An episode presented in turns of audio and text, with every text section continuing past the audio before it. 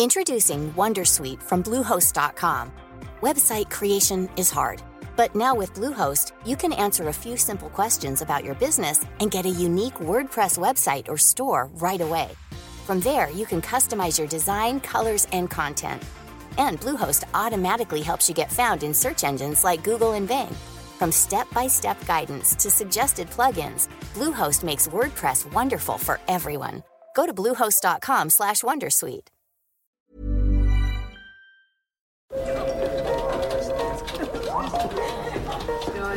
Dette er lyden av norsk næringsliv. Akkurat nå tas det små og store valg som kan bli avgjørende for fremtiden. Med økonomisystemet X-Leger tas disse beslutningene basert på informasjon i sanntid, slik at drømmer og ambisjoner kan bli virkelighet. Få kontroll og oversikt, gå inn på xledger.no. Denne sendingen er sponset av Xleger.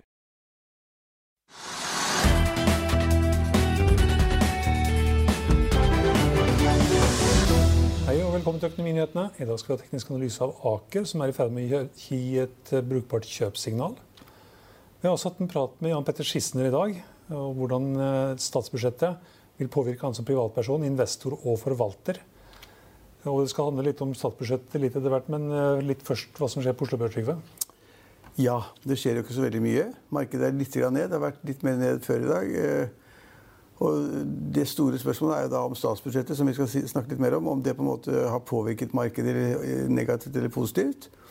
Og til det så har mitt svar er at eh, statsbudsjettet har ikke påvirket markedet i det hele tatt. Det er derfor det har vært liksom pluss minus null og litt ned. fordi det var ingenting i statsbudsjettet som på en måte ga en smell til aksjonærer eller boligeiere eller bileiere eller pensjonister eller hva som helst. Det var, liksom, det var ingenting som du kunne rive ut og si at uh, dette er negativt eller positivt. Det var kanskje bitte litt positivt ved at, uh, at, man da senker formuesskatten litt.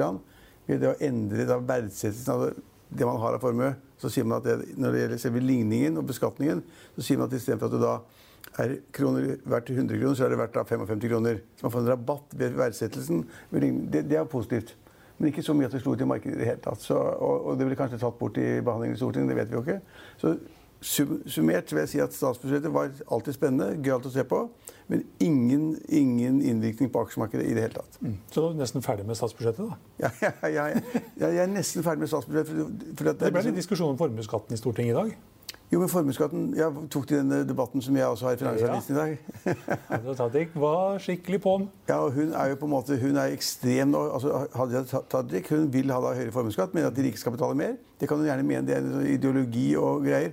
Men hun støtter seg nå på denne, denne utredningen som da kom fra forskerne ved, ved Frisch-senteret og eh, et institutt oppå oss.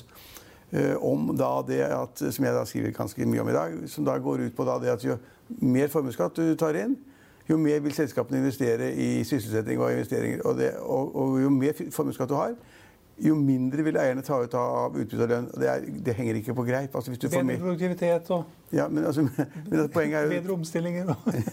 Nei, men, men, men, poenget så har det kommet frem, og det er liksom det som jeg syns er ganske sensasjonelt. For det første var det et veldig dårlig arbeid, den forskningsrapporten, som da var et bestillingsverk fra Næringsdepartementet om hvilke effekter har da formuesskatten.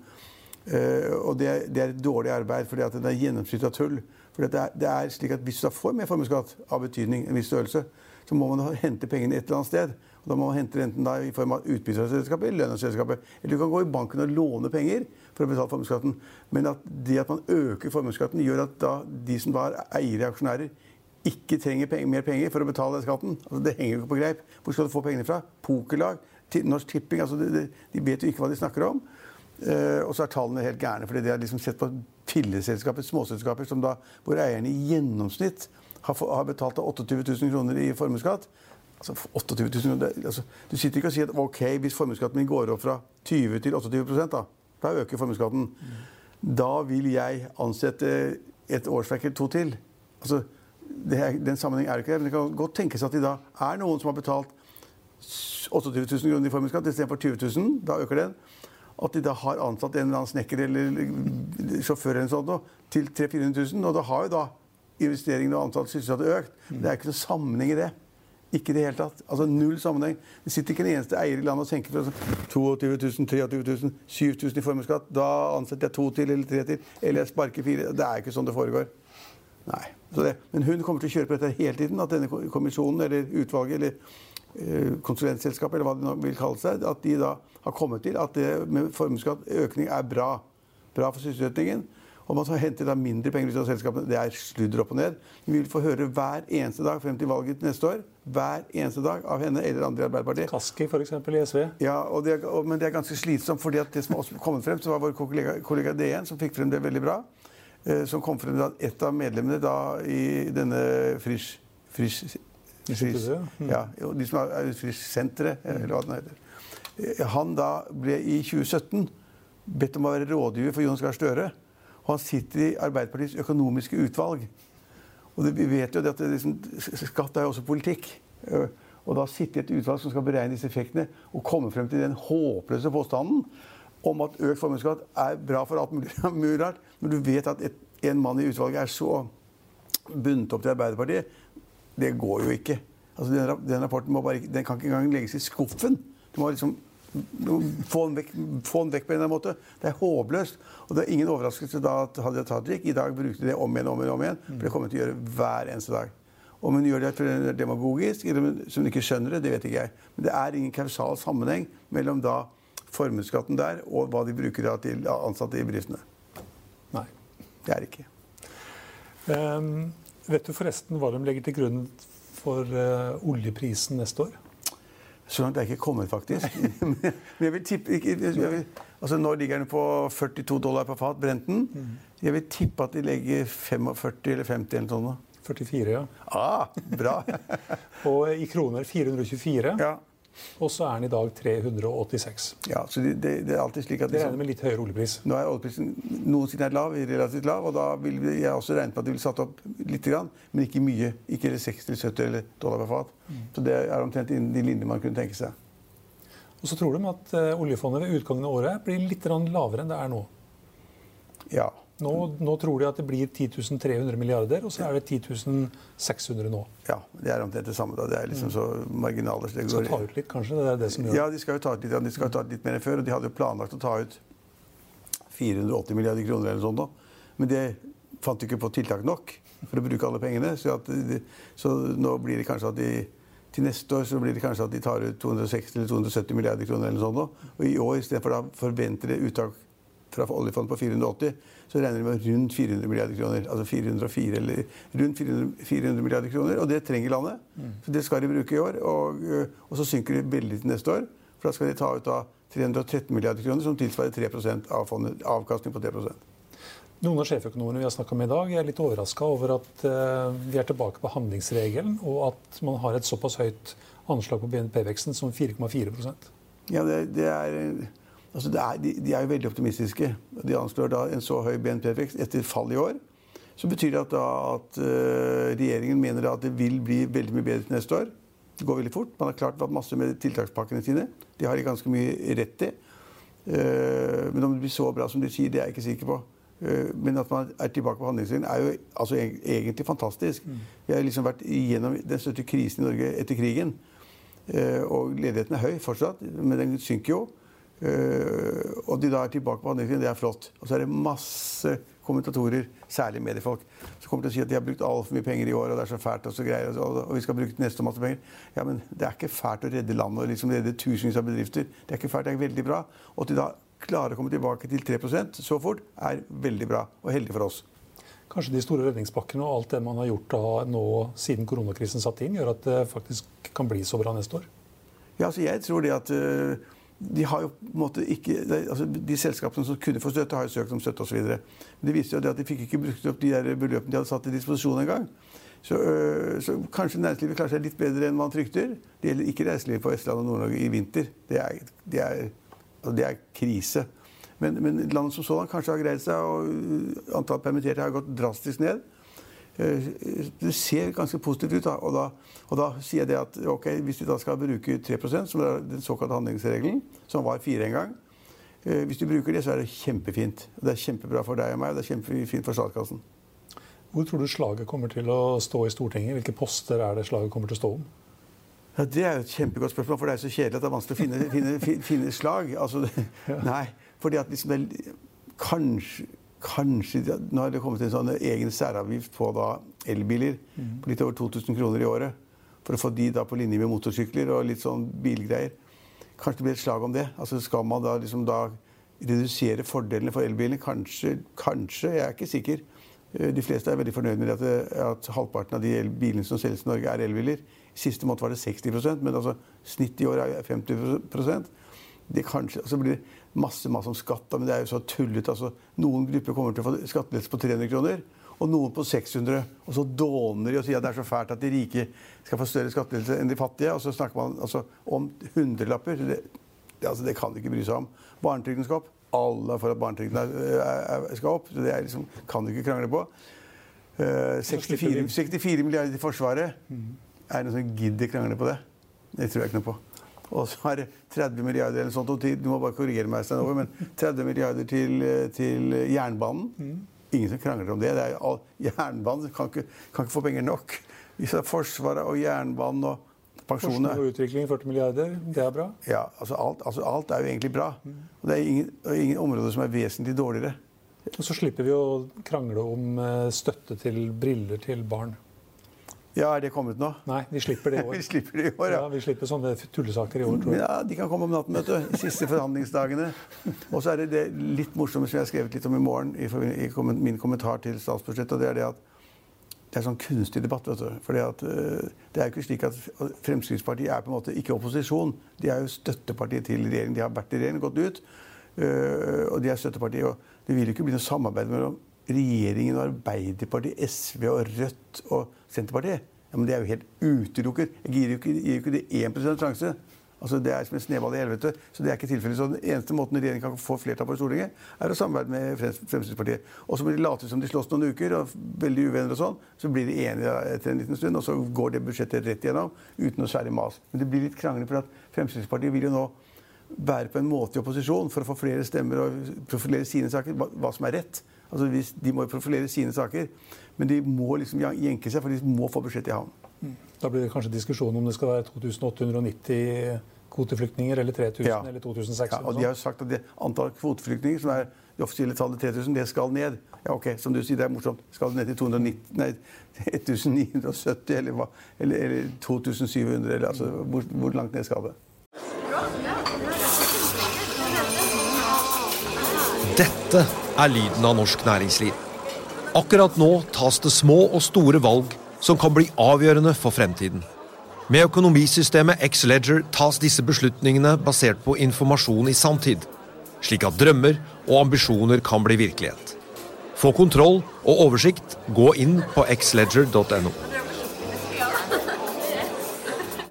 Denne episoden er sponset av van Brun, en fremtredende smykkeforhandler kjent for sitt brede utvalg av forlovelsesringer, gifteringer og diamantsmykker som bæres og elskes i generasjoner. Et frieri er en av de største øyeblikkene i livet, hvor forlovelsesringen er et tidløst symbol på kjærligheten. Valg av ring krever omtanke for både hvilket metall og diamant, med et bredt spekter av både naturlige og labdyrkede diamanter, og metaller som platina, gult gull, hvitt gull og roségull, hjelper de deg med å sette et personlig preg på din kjærlighetshistorie. Van Brun vil gjerne invitere deg til å prøve på tre av dine favorittringer fra nettsiden helt kostnadsfritt. Du kan også låne et bredt spekter av frieriringer, slik at du og din forlovede kan velge en ring sammen etter det store ja. Van Brun tilbyr 90 dagers åpent kjøp og 90 dagers gratis størrelsesjustering. Utforsk deres eksklusive sortiment i luksuriøse omgivelser. Bokk en konsultasjon sammen med en diamantekspert i deres showroom i Oslo. Eller online på vanbrun.com. V-a-n-b-r-u-u-n.com. På Oslo Børs, så som vi var inne på, det var ned 0,1% i sted. Nå er det ned 0,3% Det er ikke kjempestore Men det er noe morsomt der. Det er noe, det er morsomt der. Det er morsomt. Det er noe morsomt her, ja. Vaxibody. Ja, det er ditt område. De, ja, de har jo gått rett opp. Så det, Ja, ja, det de, er notert i dag. ja, de har notert i dag. Og jeg, jeg har helt, akkurat nesten ikke klart å følge med. Altså, men også selskapet har vært nesten 20 milliarder kroner eller sånn nå. Ja, det var oppe på nesten og snuste på det, men så har Ja. det ramla litt tilbake igjen. Så det var vel eh, sånn 17-18 milliarder i sted. Ja, men Det er jo fantastisk for et selskap som da Men det er, de driver med noe fornuftig. De har fått en stor avtale, internasjonal avtale som skal skaffe selskapet da over tid ved årlige royalty-avtaler og betalinger og forskningsbetalinger 6-7 milliarder kroner. Det er godt gjort. Men om det har vært 17 milliarder kroner eller 25 milliarder kroner, det ja, og så er det masse kjente investorer som har vært flinke der, som barrakkeren, som da har snakket godt sammen og funnet ut at dette er bra. Og så har de alle sammen blitt rike på det. Enten det er eh, Jan Haugland Andersen, Tor Aksel Volleberg eller, eller to-tre andre kjente. Vatne, Han, altså, ja, som har hatt Øyenlegen av Ole Morten Halvorsen. Sitter Ja. med sånn 400-500 millioner. i. Men Vatne han har hatt litt problemer med sin kollega eh, advokaten. Nå står det stille for meg òg. Ja, nei, nei, nei, men det må ikke Ja. Ja. Krefting. Krefting, ja. Det, går det er mye navn. Men, men, men eh, han har plutselig fått masse penger også her, hvis han hadde solgt i dag, så det er bra. Så det er morsomt med den noteringen. Og det kommer stadig flere nye selskaper til Merkur, Merkur Market, og det er bra. I morgen er Play Magnus. Ja, i morgen er det Men han har jo vært en milliard eller sånt, det er alle enige om.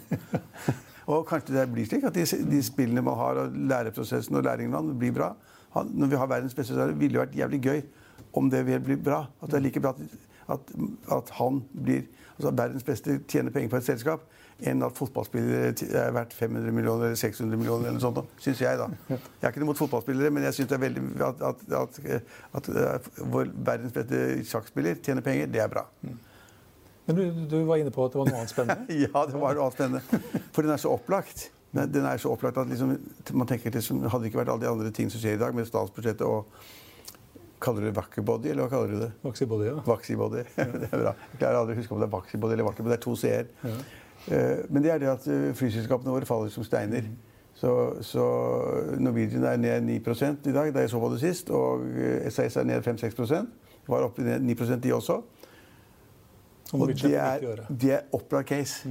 For, det, for det første så har de hatt kjempegjeldsproblemer, refinansieringsproblemer, skriker om støtte fra staten, problemer osv. osv. Alle kan det. De er forgjeldet begge to, selskapet Norwegian og SAS, etter at de har fått støtte, etter at de har fått all oppmerksomhet i landet, og etter at de også har fått betaling for å drive en del av stamrutenettet, som er viktig for landet. Og så kommer det plutselig to altså, meldinger om at et nytt flyselskap, som da er så hvor hele ledelsen kommer fra Norwegian. Alle sammen. De nye selskapene. La, la oss kalle det Bråten. Erik Bråten AS, eller Bråten AS, eller øh, bro, altså broren til Erik. Per han har et flyselskap i Sverige. Der tror jeg alle flyene står på bakken. Uh, han har vært i en sånn re, reforhandling også, så det er ikke bra. Men alle, alle de gode folkene kommer, fra, kommer da fra Norwegian. Det er jo ganske interessant. Og, og, eh, og så kom det da melding om dette Wizz Air fra Ungarn. Ja, Ungarn eller Bulgaria eller et eller Ja, annet Ungarn. Og de har tenkt å komme til Norge med masse De går, har noen ruter fra Norge i dag til enkelte steder i Europa. Og de skal komme med masse nye fly som da skal selge billetter fra Oslo til Bergen for 199 kroner. Og til Tromsø for 199 kroner. Og til Bergen, ja, Bergen Trondheim og Tromsø, Tromsø. De tre landene først. De dropper Stavanger kanskje i første omgang. Og det er selvfølgelig krise for Norwegian. For Norwegian er forgjeldet, trenger mer støtte fra staten. Har bedt om kontante penger. Ikke garantier for lån, men kom her med noen milliarder på kontante. Og så kommer et selskap og sier at vi skal starte på scratch, og vi skal ikke ha noe lån fra staten, vi skal ikke ha noe penger fra staten. Og vi skal ikke ha 150 fly på bakken, vi skal bare ha liksom 3, 4, 5, 6 fly. Og, de, og, og, og, trafikkere de mest lønnsomme rutene. Og vi vet, vi vet hva vi gjør. Det er klart, Da går kursen på Norwegian ned. For det er, liksom, det er jo overlevelse, overlevelsessjansene stadig lavere. Og Det samme gjelder jo SAS. ikke sant? Det, det akkurat, så plutselig Istedenfor å ha to selskaper hvor ett ett kan gå konkurs, så har vi kanskje fire selskaper på det norske nettet. Og så kommer flypassasjeravgiften kommer tilbake også i dag, tror jeg. Ja, Hvorfor, hvorfor gjorde den det? Ja, Det er merkelige greier. Men surregreier. at du sitter Høyre i regjering og lager Hvorfor skal de heve den akkurat nå? Det er jo, det er jo krise for flyselskapene. Og det var en fordel at de ikke hadde den avgiften. Den ble tatt, lagt på bordet fordi man skulle hjelpe flyselskapene. Så tar man den bort igjen nå. Det er jo bare surr. Det var vel noen momsgreier på reiselivet òg, tror jeg. Ja, men, den, ja, men det er også samme igjen, for Der satte jo den momsen ned- ned fra 12 til 6 for å hjelpe reiseliv og transport og hva det måtte være i den sektoren som har lavere momssats. Normal momssats er jo 25% Så hadde de 12, satt ned til 6. Og nå plutselig skal den opp fra 6 til 12 igjen. Hvorfor det? I den sektoren i landet som fremdeles har de problemer. Så, altså, staten blir jo ikke rikere av det, eller noe særlig rikere av det. Det er jo bare tull. Det er noen for forhandlingskort da, som det kanskje er Ja. lett å gi fra seg. Ja, da, og Fremskrittspartiet maser kraftig ikke sant? et par kvelder eller et par netter, og så, så sier de OK, da. Så tar vi bort den der flyplassavgiften igjen. Så det, det, var, det var kjempegodt poeng. Det er sannsynligvis et av de beste forhandlingskortene regjeringen har. da. Bill- Billige kort. Nei, så det var vel omtrent det jeg klarte å få ut av. Ja, så, så Oljeprisen har jo da, var jo over 42 dollar per fat. Det har gått litt ned igjen. Litt, men ikke mye. Så, også, så nå er markedet opptatt av hva som skjer i USA. Det påvirker litt. Grann. Og så bryr de ikke seg om statsbudsjettet. Det blir masse sur i alle nyhetssendingene i kveld. og sånn, Masse gjentakelser av hva folk er vant til å si. Og så som du sier, så blir da Hadia Tajik hun vil ha det kjempeinnlegg i alle nyhetskanaler hele kveld. Vi kommer til å besvime om hvor det er så fælt da med formuesskatten. Som da regjeringa senket lite grann, lite grann for da den såkalte arbeidende kapital, som er da varehus og lager og traktorer og alt mulig som har med næringslivet å gjøre, og de aksjepostene de også har, som er den arbeidende kapitalen. Og det, og det er faktisk en liten lettelse for en liten gruppe. Men regjeringen har jo tidligere lovt å fjerne eh, eh, formuesskatten. Så nå gjør de den litt lavere, og det blir det bare styr av. Og Arbeiderpartiet har jo, Før i dag så har Arbeiderpartiet sunket og sunket og sunket, og har jo da ligget liksom på gallupen så lavt nå at hvis det var, altså Jeg må si at jeg er litt overrasket. Hadde det vært valg nå i dag, så ville de røde og grønne bare hatt en overvekt på tre eh, representanter i Stortinget. Fordi at, eh, fordi at eh, det var Miljøpartiet De Grønne som falt under sperregrensen. Mens Rødt ligger på oversiden av sperregrensen. Så de ville fått åtte representanter. Hvis vi slår sammen til Arbeiderpartiet, som stadig synker, og SV og Senterpartiet og Rødt så, øh, og Miljøpartiet De Grønne, da, men de ville bare fått én representant. Så nå er det bare tre nå er det bare tre representanter i overvekt for de rød-grønne. Og det kan gjøre det litt mer spennende. Men det gjør også at de rød-grønne blir litt mer hissige. For de må få Arbeiderpartiet opp. Og da har vi da Hadia Tajik med formuesskatt i det uendelige. Eh, vi hadde, et, eh, vi hadde, en gjest i går som vi hadde et intervju med, videointervju. Nikolai eh, Grove, i, han er investor i REC. Og han hadde et veddemål som han ville formidle. Var det til meg? Ja. Det var et dårlig veddemål, for så vidt. fordi det var, Hvis aksjekursen i REC står i 25 kroner før jul, så skulle han ta en tatovering som du skal få lov å betale for. hva, hva, hva er kursen nå? I går var den fem. Jeg vet ikke hva den er i dag. Ok, Han tror den skal femdoble seg? Altså, femdoble seg, ja. Fordi at Røkke er med på laget, da? Fem kroner og tre øre. Fordi at Røkke er på laget? Ja. Ok, så Hvis den går i 25, så skal jeg betale tatoveringen hans? Nei, det gidder jeg ikke. hvis, den går i 25, så har han mer enn nok penger til å betale selv. ja. Jeg spurte han om det, du hadde egentlig bedre veddemål hva som skjedde hvis det ikke sto i 50 Ja, ja, Da kunne han gitt meg noen tusen kroner. Det er, det er liksom bra for pressen og media. det trenger vi mer enn tatoveringer. Nei, Han trodde på en femdobling han, uh, Det er ganske optimistisk, da. Før jul. Det er godt gjort å tro på det, altså. Men da er han helt fokusert. Han tror bare på REC. Og så tror han kanskje at det, Når alle de andre eh, røkkeselskapene plutselig går på børsen hver dag, så kanskje da, dette tar av enda mer. Mm. Jeg har ikke peiling. Det får, det får han betale sjøl. Det får han betale sjøl. Ja, det var uh, både litt av det som skjedde på Oslo Børs, pluss mye om statsbudsjettet. Vi har uh, truffet, eller i hvert fall snakket med investor Jan Petter Skisner tidligere i dag og spurt han om hva statsbudsjettet betyr for han privat og som investor og forvalter. Med oss investor Jan Petter Skisner. Og Jan Petter, har du funnet noe i budsjettene som betyr noe for deg som privatperson, og kanskje aller viktigst som investor? Eh, ikke mye. Det syns budsjettet bærer preg av å være satt sammen av en regjering med fire partier som skal gi litt til alle og glede alle lite grann. Det er et budsjett som, vidt jeg kan skjønne, ikke andre enn eh, en sosialistene burde irritere seg over. De elsker jo å, å, beskatte eiendeler, mens jeg er jo veldig tilhenger av å beskatte inntekt. Uh, når det gjelder for øvrig, syns jeg det er positivt at uh, formuesskatten på arbeidende kapital settes ned. Og til dels kompenseres ved høyere eiendomsskatt på dyre eiendommer. Og uh, Riktignok hadde jeg kanskje ønsket meg at det var litt geografisk betinget. Det er stor forskjell på en eiendom til 15 millioner i Oslo og en i Kirkenes til samme prisen. Men, men uh, det er et steg i riktig retning.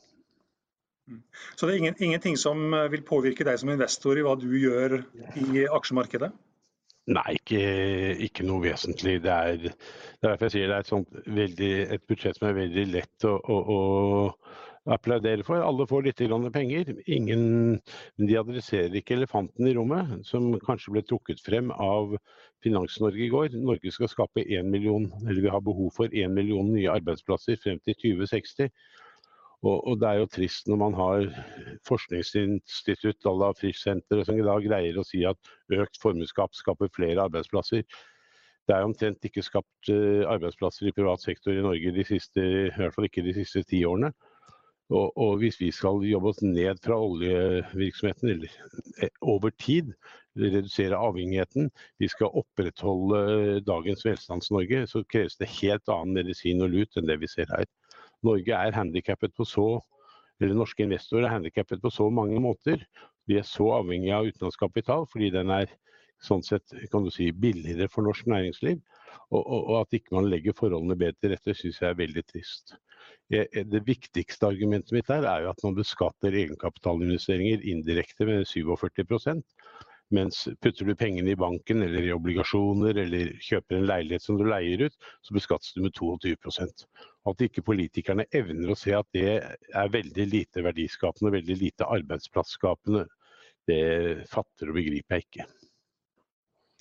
Vil du betale mer skatt i 2021 enn du gjorde i 2020, tror du? Med det budsjettet her? Jeg har ikke satt meg så nøye inn på det. Jeg syns jeg betaler så mye skatt uansett.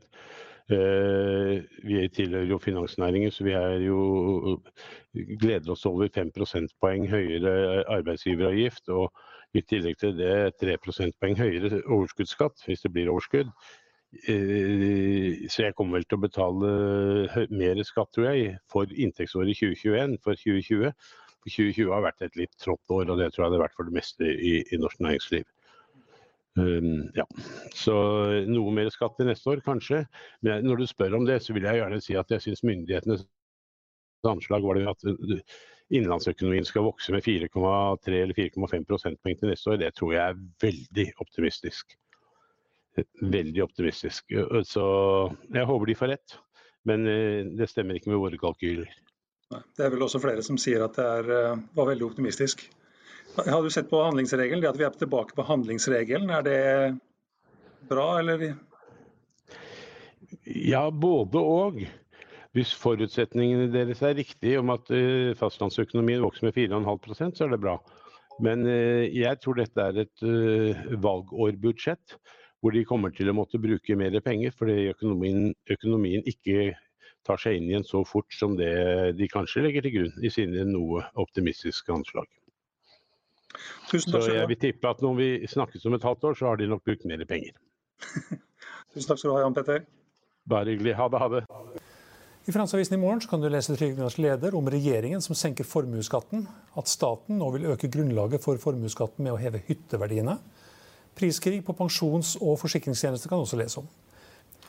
Det var det vi hadde for i dag. Vi er tilbake igjen i morgen klokken 15.30. Følg med oss igjen da.